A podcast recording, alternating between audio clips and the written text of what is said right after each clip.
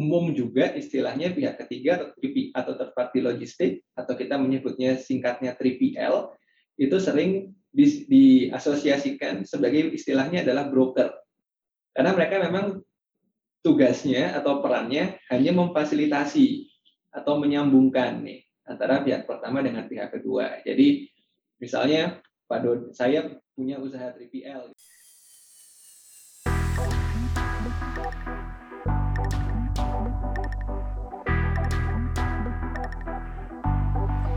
Halo pendengar setia LSDM Podcast. Welcome to LSDM Podcast Season 1 bersama saya, Dodi Hartanto. LSDM Podcast adalah platform di mana kalian dapat mendengarkan obrolan yang menarik dan fresh seputar logistik and supply chain management. Kali ini, obrolan yang kami sajikan adalah the role of PPL in global logistics. Assalamualaikum warahmatullahi wabarakatuh. Selamat sore uh, tentu pertama-tama kita ucapkan uh, terima kasih kepada Pak Yusa, Pak ya, direpotin lagi ini, ini untuk kedua kalinya setelah sebelumnya kita repotin untuk memberikan uh, sharing kuliah tamu di uh, mahasiswa kita di Teknik Industri ITS. Ya. Baik, uh, kita mulai ya. Uh, nanti untuk pembukaan kita akan terpisah sama penutupan, maka kita akan mulai dengan pembacaan CV ya dari Pak Yusa. Uh, Pak Yusa, berkenan saya, anu Pak Nge, saya sampaikan CV Bapak uh, untuk perkenalan sehingga pemirsa setia LSM Podcast ini bisa mengenal dengan baik gitu. Siapa sih narasumbernya ini gitu. Siapa sih beliau ini kok diundang gitu. Seberapa penting sih orang ini gitu Pak ya. Baik, uh, saya akan bacakan uh, eh, CV Pak Yusa. Di Pak Yusa ini saya juga agak terkejut nih sebenarnya. Beliau ternyata alumni sipil. Gitu. Background pendidikannya beliau ini adalah teknik sipil. Tapi karir pertama langsung di logistik yang itu merupakan kita tahu banyak areanya teknik industri ya. Jadi beliau ini adalah alumni Teknik Sipil ITS lulus tahun 2009. Masuk tahun 2004 gitu ya. Kemudian beliau memulai karir sebagai logistik planner and analyst di Holcim Indonesia. Kemudian setelah empat tahun, beliau uh, melanjutkan karir sebagai business controller atau kalau nggak salah ini financial operation manager di Demco Indonesia. Kemudian beliau uh, pindah lagi perusahaan ke Ford PL ID Operation Manager. Oh, tidak pindah perusahaan sih ini, pindah posisi. Di Demco Indonesia. Masih di Demco Indonesia. Kemudian beliau pindah ke Mars, Mars, benar Pak ya, bacanya begitu nih Pak. Mars, Mars Filipin, di Mars Filipin, yaitu uh, menduduki posisi sebagai Ford PL Customer Service Manager. Kemudian sekarang jabatan yang terbaru adalah area Continuous Improvement Manager. Masih di Mars Indonesia Philippines. Gitu ya. Jadi beliau eh, seperti kita tahu tadi dari CV beliau, beliau merupakan narasumber yang sangat kompeten untuk membahas topik kita kali ini ya.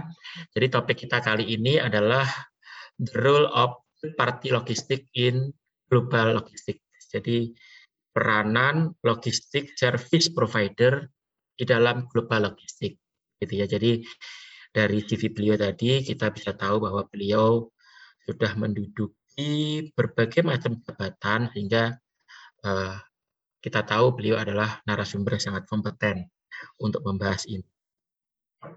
Baik, saya pikir itu perkenalannya untuk narasumber kita. Uh, cukup jelas ya harapannya. Nah, kita akan langsung lanjutkan ke diskusi kita. Kita nanti akan bahas mulai dari awal sekali, mulai definisi, pengertian, area, kendala, cerita praktis, perbedaan teori sama praktek, kemudian peranan secara global itu seperti apa, dan banyak nanti pengalaman menarik yang semoga narasumber kita berkenan berbagi ke kita. gitu. Pak Yusa, mohon izin kita mulai ya diskusinya, eh, bincang-bincangnya. Monggo silakan Pak Dodi. Baik, baik Pak Yusa, uh, mohon izin ini nanya agak banyak nih nanti. Begini Pak Yusa, uh, kalau kita bicara parti logistik itu kan kalau kita terjemahkan terjemahan secara bebas dalam bahasa Indonesia itu kan artinya uh, logistik pihak ketiga gitu ya. Nah, awalnya Pak dulu sejujurnya saya dulu ketika dengar istilah pihak ketiga itu kan kita itu konotasinya kan kurang bagus Pak ya.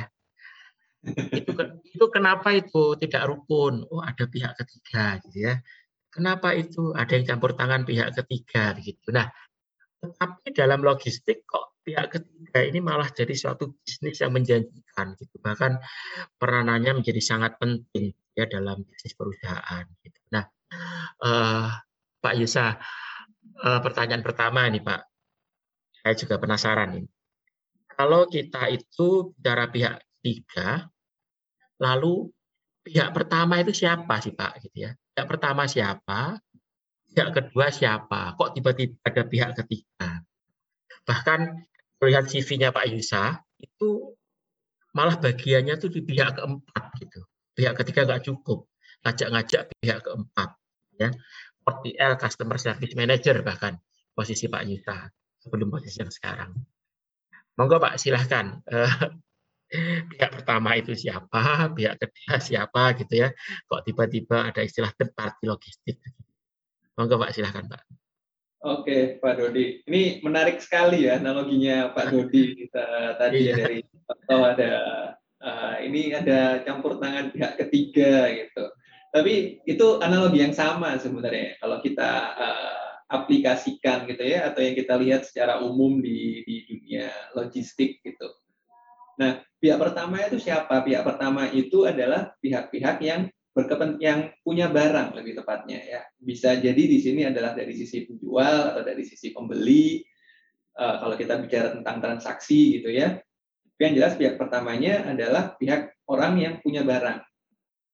Bisa jadi dari manufakturernya misalnya, dari dari produsennya gitu. Nah, pihak keduanya siapa? Nah, pihak kedua ini sebelum kita masuk ke sana di logistik atau di supply chain itu kan sebenarnya pihak-pihak yang berperan di situ atau mungkin istilahnya stakeholdernya itu kan beragam ya Pak ya. Jadi nggak cuma dari buyer dan supplier. Di situ ada kalau kita bicara tentang uh, transportasi berarti ada perusahaan transportasinya ada perusahaan trackingnya atau kalau kita bicara tentang uh, ekspor misalnya pengiriman ke luar negeri, berarti kita bicara tentang uh, moda transportasinya sendiri, apakah pakai kapal atau pakai pesawat terbang gitu, dan juga tentang pihak yang menguruskan tentang customs brokerage-nya, tentang bea cukai ekspor importnya.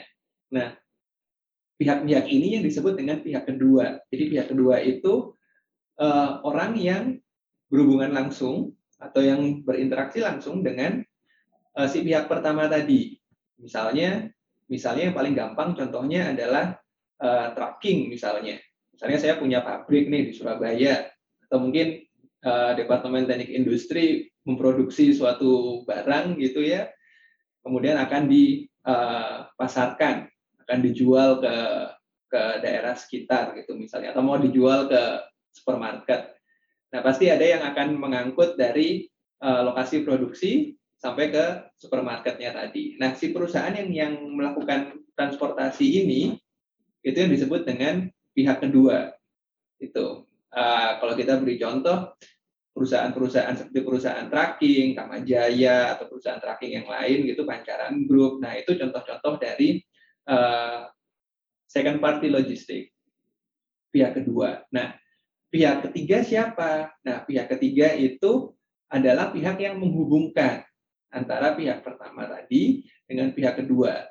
Makanya umum juga istilahnya pihak ketiga atau third party logistik atau kita menyebutnya singkatnya 3PL itu sering diasosiasikan sebagai istilahnya adalah broker.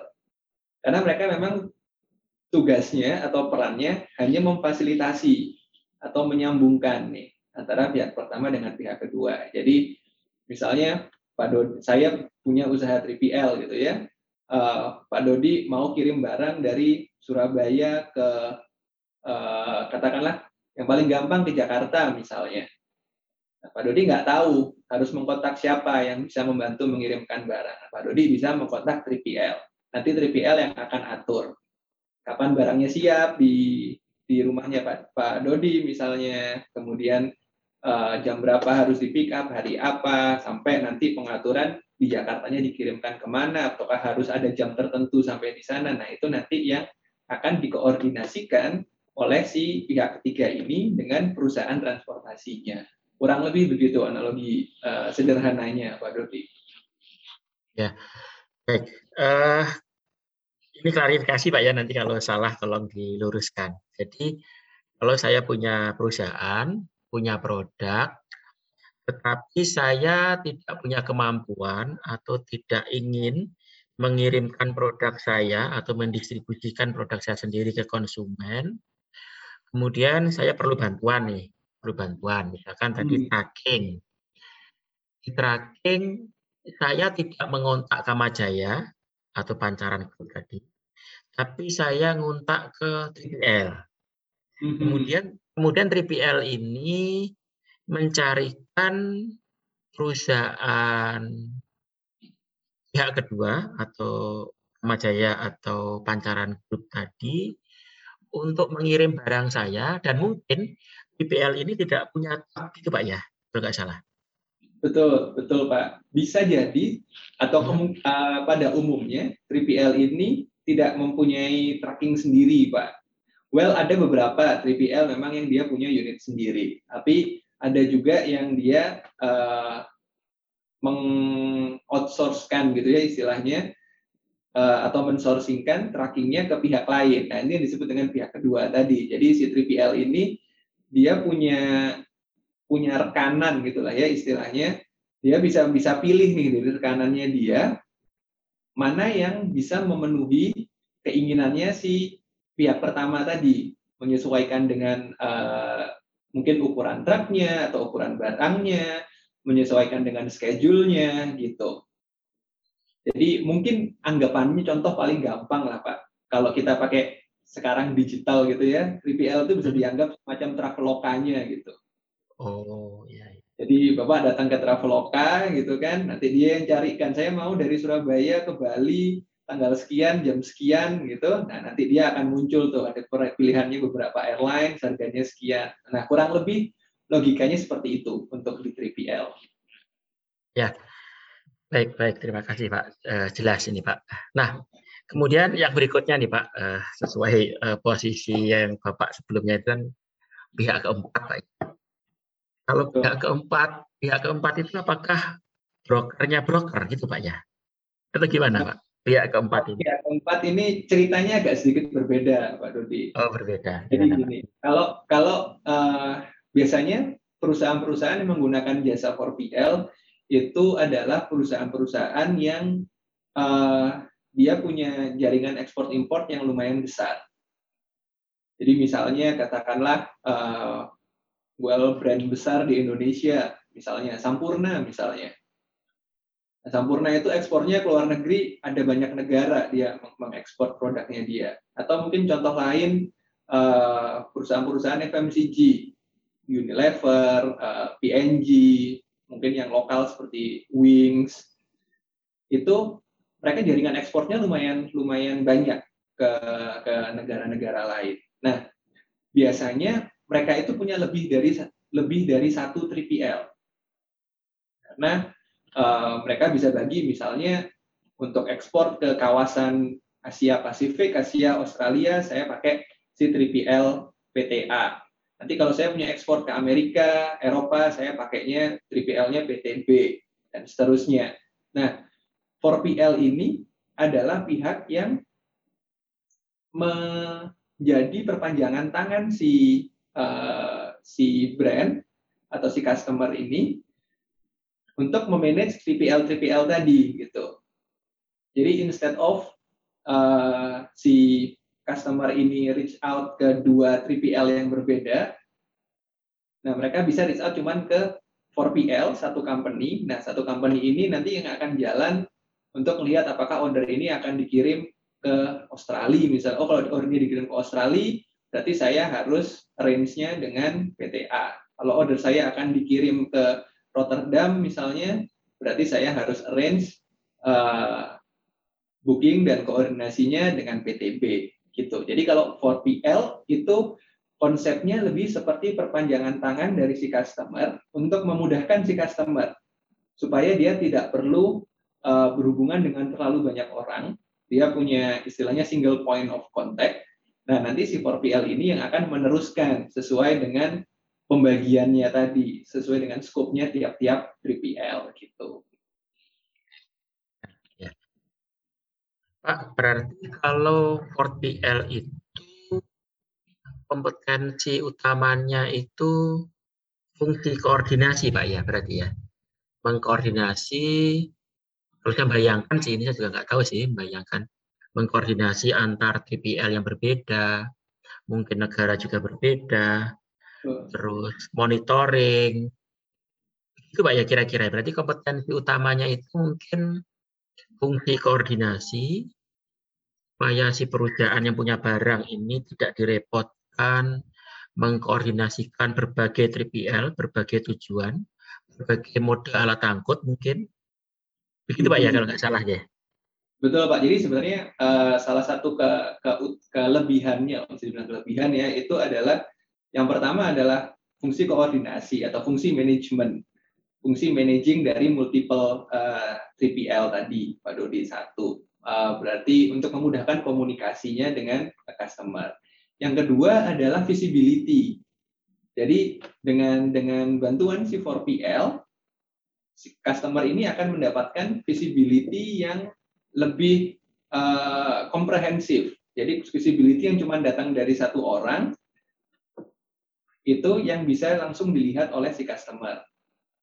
Bayangkan kalau misalnya dia punya tiga, tiga 3PL gitu ya, nggak ada 4PL, nah si customer ini harus datang ke masing-masing 3PL, mungkin format reportingnya beda-beda, mungkin datanya formatnya juga beda-beda, kemudian masuk ke si customer, customer harus compile, kemudian harus nyusun lagi uh, reportingnya sebelum bisa mereka pakai. Nah, dengan adanya 4PL, fungsi visibility tadi itu yang dikerjakan oleh 4PL. Nah, jadi Uh, itu dari sisi visibility reporting. Jadi si customer dalam tanda kutip sudah tinggal terima jadi. Pada saat dia terima, itu sudah consolidated report jatuhnya. Atau misalnya, uh, kalau misalnya dia butuh tahu uh, situasi untuk shipment-shipment tertentu gitu. Nah, dari si customer ini nggak perlu reach out ke ini kalau saya punya shipment ke sini, VPL-nya siapa ya? Dia cukup langsung datang ke 4PL. Nah, 4PL-nya yang udah punya visibility siapa ini dihandle oleh siapa, kemudian berangkatnya kapan, dan segala macam gitu. Ini sangat menguntungkan terutama kalau terjadian-kejadian yang yang di luar normal kayak mungkin yang baru-baru ini yang di tahun ini yang cukup membuat lumayan gempar pada waktu kemarin ada kasus terusan Suez keblok yeah. sama kapal kontainer. Nah, itu uh, memudah sangat memudahkan si customer yang menggunakan jasa 4PL untuk tahu update kontainernya dia seperti apa, ada di mana gitu. Karena 4PL yang akan mencari tahu nih untuk ada berapa kontainer sebenarnya yang ke impact dari uh, terusan Suez ke blok ini gitu. Itu salah satu uh, selling point-nya dari dari 4PL, Pak Dodi. Pak, jadi kalau di 4PL itu ya, 4PL itu kalau kalau 3PL itu kan tanggung jawabnya sih Pak ya, tanggung jawabnya kalau apa second PL tadi, second PL itu kan berarti tanggung jawabnya memindahkan barang Pak ya dari satu titik pabrik mungkin ke titik distributor gitu ya mungkin. Terus TPL mengkoordinir itu.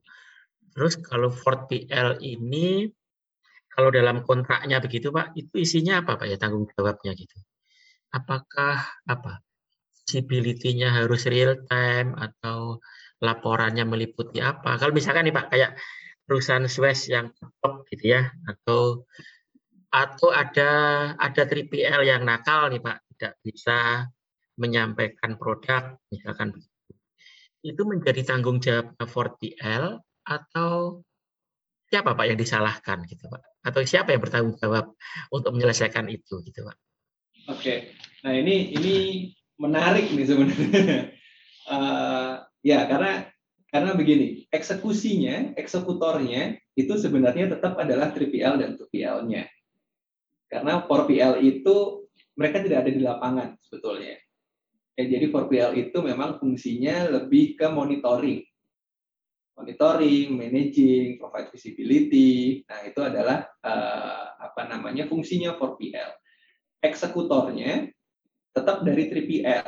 Nah, gimana peran 4PL kalau misalnya terjadi hal-hal yang yang tidak sesuai dengan dengan yang diharapkan gitu. Nah, perannya 4PL adalah mencari tahu sebenarnya masalahnya ada di mana.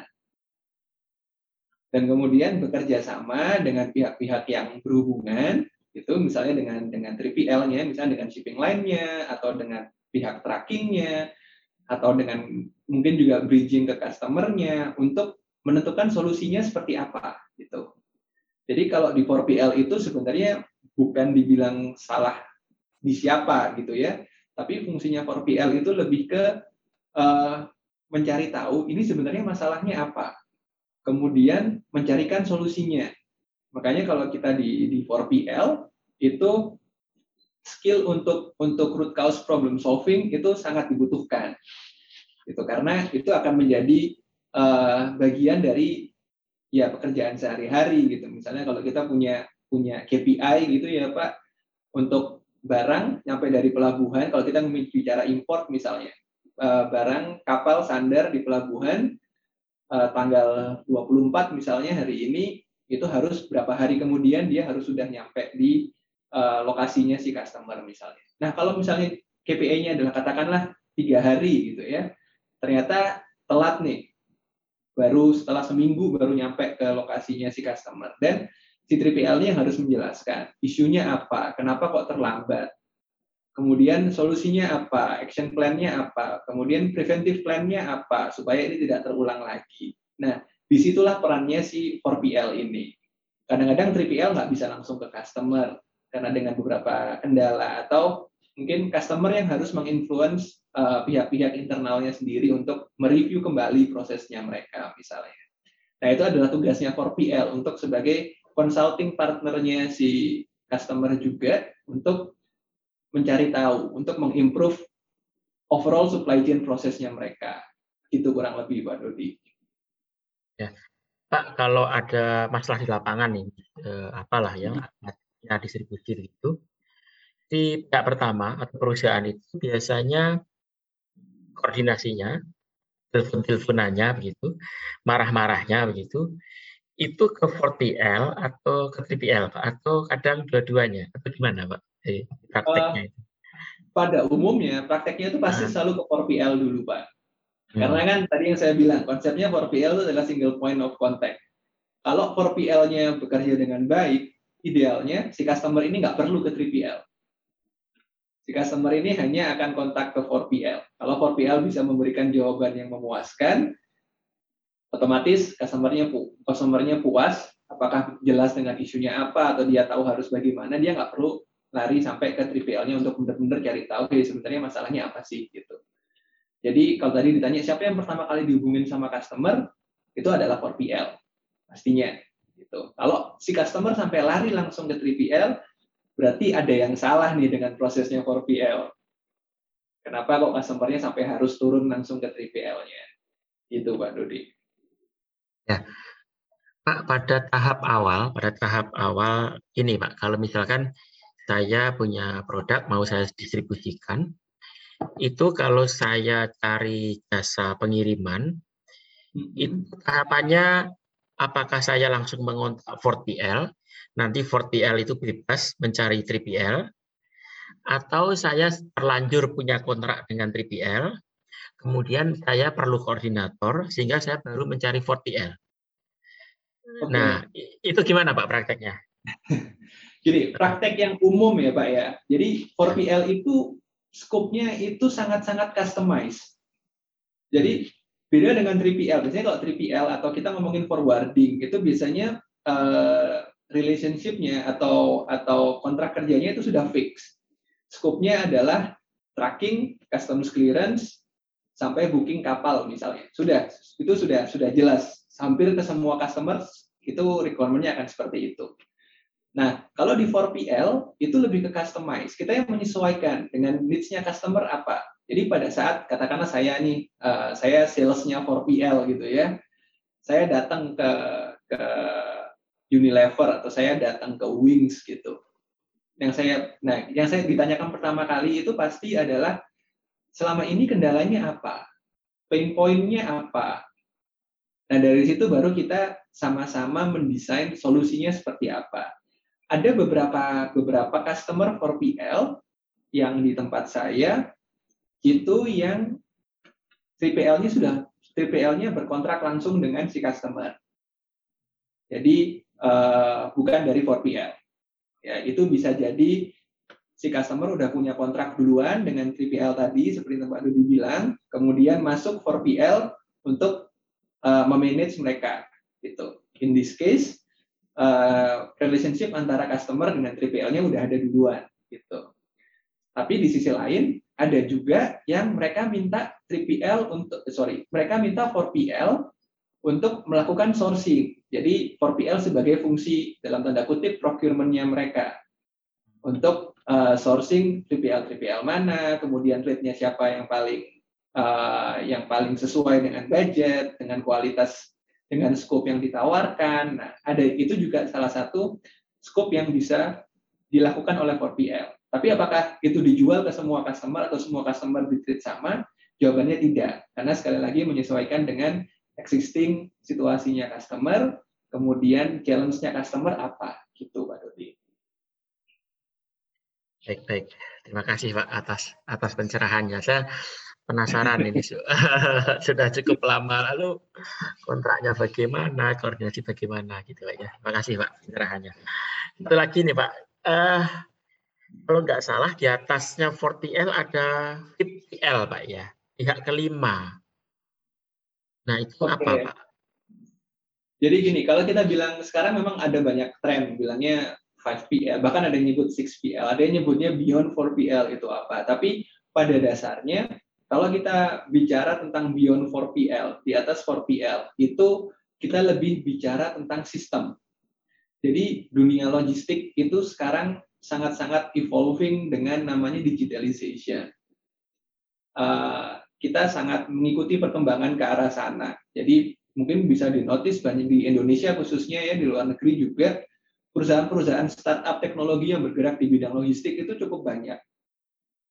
Kita sekarang bisa terima booking dari handphone, pakai aplikasi, kemudian ada aplikasi yang bisa nyarikan perusahaan-perusahaan tracking. Jadi perkembangannya dunia logistik itu nanti ke arah sana, gitu Pak. Kita mulai melihat teknologi blockchain dan segala macam. Nah, 5PL eh, itu konsepnya adalah ada satu sistem besar yang diprovide oleh perusahaan-perusahaan logistik yang bisa membantu si customer ini untuk melihat sisi end-to-end-nya tidak hanya sisi eksekusinya kayak yang sekarang dilakukan oleh 3PL dan 4PL, tapi bisa jadi mulai dari sisi planning. Planning inventory-nya, dari dari sisi inventory-nya berarti dia si 5PL ini sistemnya bisa membantu untuk memberikan uh, masukan ke, ke customer kapan mereka harus place order ke supplier. Kapan uh, kalau kita melihat uh, market situation dengan dengan sekarang ada vessel delay dan segala macam. Kemudian kita melihat average transit time dari Cina ke Jakarta misalnya yang tadinya lima hari ternyata sekarang jadi 10 hari. Nah itu bisa menjadikan masukan ke customer. Jadi hey please adjust please adjust your inventory booking misalnya. Pada saat order ke supplier yang tadinya kita memperkirakan uh, selling time itu cuma lima hari ternyata lima hari itu udah nggak berlaku lagi menyesuaikan data beberapa bulan ke belakang misalnya. Nah 5PL itu lebih ke sana nanti konsepnya Pak Dodi. Jadi nggak cuma monitoring operation atau execution kita sekarang tapi lebih ke arah visibility-nya lebih jauh lagi untuk planning, untuk evaluasi, untuk uh, pengambilan keputusan. Kurang lebih seperti itu, Pak. Baik, baik. Baik, terima, terima kasih Pak Pak Yuta. Ya sudah sudah clear ini mestinya. Mulai dari pihak pertama, pihak kedua, pihak ketiga, pihak keempat, pihak kelima, bahkan lebih dari lima, gitu ya. Jadi eh, teman-teman ini yang mendengarkan podcast menyaksikan podcast ini akan clear biasanya definisinya ya. Bahwa kalau uh, coba saya rangkum nih Pak. Jadi uh, pihak pertama adalah yang punya barang. Pihak kedua adalah yang berhubungan langsung dengan si pihak pertama. Bisa misalkan pengiriman maka yang tracking itu adalah pihak kedua Kemudian pihak ketiga, third party adalah brokernya pihak kedua. Jadi pihak keduanya mungkin juga tidak cuma satu begitu. Eh, pihak ketiga ini adalah brokernya pihak kedua. Nah, kemudian perkembangannya diperlukan lebih dari itu. Jadi Pak Yusa menyontohkan kalau ada sebuah perusahaan kemudian ekspor ke berbagai negara Kemudian di berbagai negara tujuan itu memerlukan TPL yang berbeda-beda. Alat angkut yang berbeda-beda, mungkin juga regulasi yang berbeda-beda. Nah, itu diperlukan sebuah kompetensi yang bisa dipenuhi oleh 4PL, yaitu koordinasi dan satu lagi tadi yang penting adalah visibility, monitoring, gitu ya. Nah, kemudian PL ternyata dirasa ada yang belum cukup juga. Gitu. Kita lebih dari itu. Atau Pak Yusa tadi menyebut beyond 4PL. Jadi ada VPL, SIPL, gitu. mungkin ya lebih dari itu kalau diterus-teruskan. Jadi jasanya itu bisa lebih dari itu menciptakan sistem bisa end to end dari planning bahkan sampai eksekusi. Kira-kira begitu yang saya uh, tangkap. Baik, terima kasih banyak Pak pencerahannya. Jadi clear gitu pihak pertama siapa dua tiga empat. Baik, uh, Pak Yusa, uh, saya lanjutkan ini ke pertanyaan berikutnya. Kemudian uh, party logistik atau party logistik ini kan kadang disebut sebagai logistik service provider gitu. Nah, logistik, logistik service apa sih Pak yang biasanya bisa disediakan oleh logistik service provider ini? Tadi Pak Yusuf sudah mencontohkan tracking gitu ya. Apalagi Pak yang biasanya bisa disediakan oleh logistik service provider ini? Oke, ya jadi kalau ngomongin logistik service provider atau mungkin bahasa Indonesia penyedia jasa logistik gitu ya.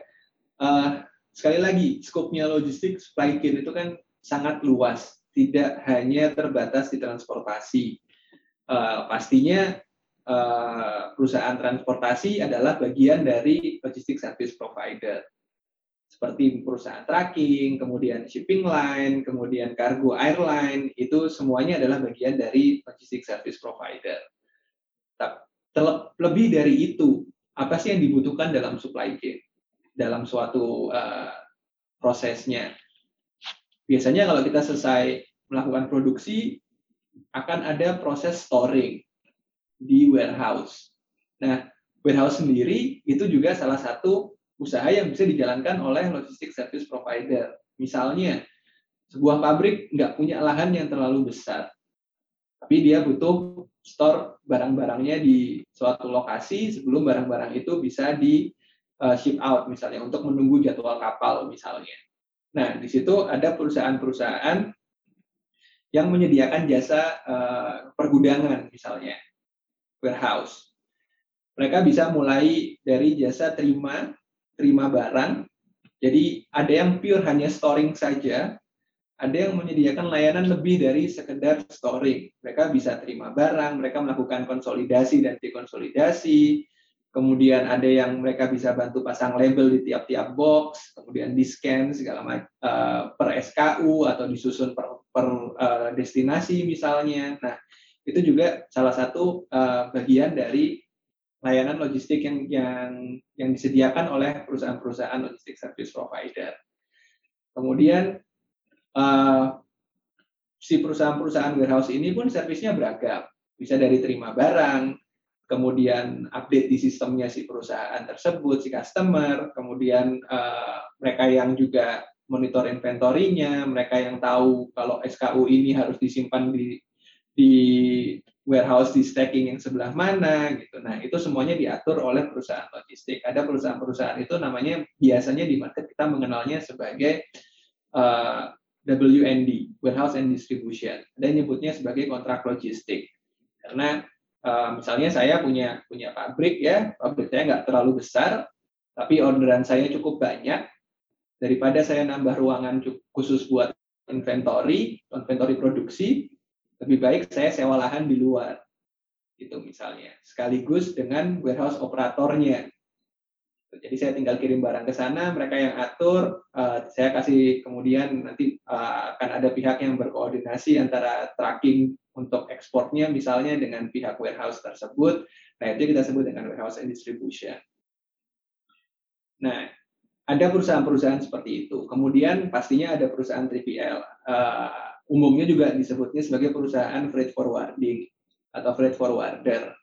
Itu yang yang membantu untuk mengatur barang dari poin A ke poin B. Jadi misalnya dari uh, pabrik di Sidoarjo sampai ke uh, warehouse-nya customer di Hong Kong misalnya atau di Shanghai. Nah, itu uh, skopnya freight forwarder. Dia yang membantu mencarikan kapal, dia yang membantu uh, bisa membantu untuk trackingnya juga, dia juga bisa membantu untuk pengurusan bea cukainya, misalnya pengurusan customnya.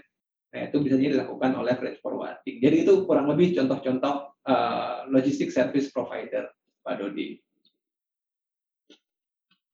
Ya. Baik, Pak. Jadi saya anu ini baru baru kepikiran nih dari dari penjelasan Pak Yusa ini. Jadi IPL tadi kenapa penting itu karena anu Pak ya mungkin ada yang pihak kedua itu bisanya cuma ngangkut barang tapi administrasi bea cukai nggak ngerti ya. Terus maka perlu ada pihak lain yang ahli di situ. Hanya sampai di pelabuhan ngerti tapi bagaimana mengeluarkan barang ke luar negeri punya kemampuan itu. Maka perlu second PL yang berikutnya gitu ya. Nah, yeah BPL maka mengkoordinasi itu semua sedemikian rupa barang itu bisa sampai dari pabrik ke tujuan di mana di dalamnya itu ada peran banyak second PL yang kompetensinya beda-beda. Betul. Betul gitu Pak ya? Betul ya, Pak Dodi. Tepat sekali Pak. Baik, baik. Terima kasih Pak. Makanya baru kepikiran tadi kenapa kalau uh, proses itu selesai oleh pihak kedua, kenapa masih perlu broker gitu ya? Oh ternyata ini tadi dapat pencerahan Pak Yuta ini, ternyata kompetensinya beda-beda, maka masing-masing menjalankan perannya, maka perlu ada koordinatornya yaitu L gitu ya. Baik, terima kasih Pak, Pak Yuta lagi-lagi pencerahannya. Baik, terus uh, begini Pak, ini juga kita juga sedikit cerita ini uh, apa ya pengalaman baru, wawasan baru lah ternyata ada juga itu tahu ini 3PL atau second PL ya yang kemampuannya itu spesifik sekali Pak yaitu mengangkut limbah Pak mengangkut limbah industri dan ternyata untuk jenis limbah itu yang bisa hanya dia gitu, di Jawa Timur gitu Pak ya dan itu akhirnya Pak ya, akhirnya posisi tawarnya si perusahaan ini cukup besar sih. Kalau bukan saya yang ngangkut, apalagi limbah mutu sangat bahaya begitu ya. Jadi negosiasi tarif macam-macam itu akhirnya mahal gitu Pak.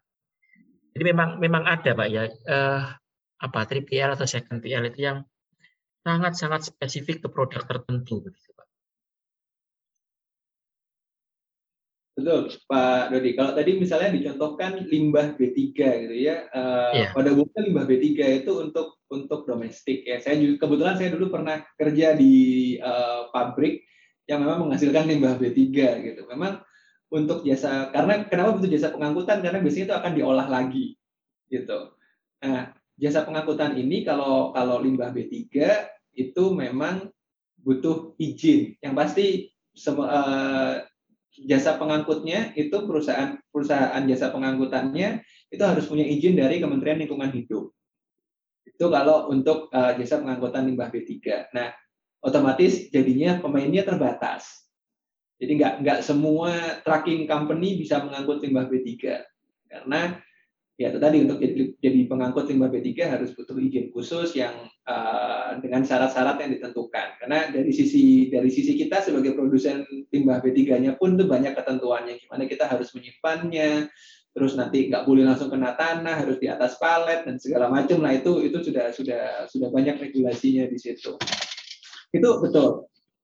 Hmm. Kalau kita bicara tentang tentang 2PL di situ, Pak Dodi. Iya. Oh ya, saya, saya teringat Pak satu lagi, Pak satu lagi tahun tahun lalu ya. Tahun lalu kebetulan ada kajian itu terkait anu Pak perhiasan emas. Nah ternyata ada juga ya logistik service provider itu yang spesialisasinya itu ngangkut precious metal. Jadi ngangkut emas gitu, ngangkut emas datangkan dari Singapura biasanya, turun di bandara, terus diangkut ke lokasi pabrik emas begitu. Ternyata juga hanya sedikit yang bisa melakukan itu.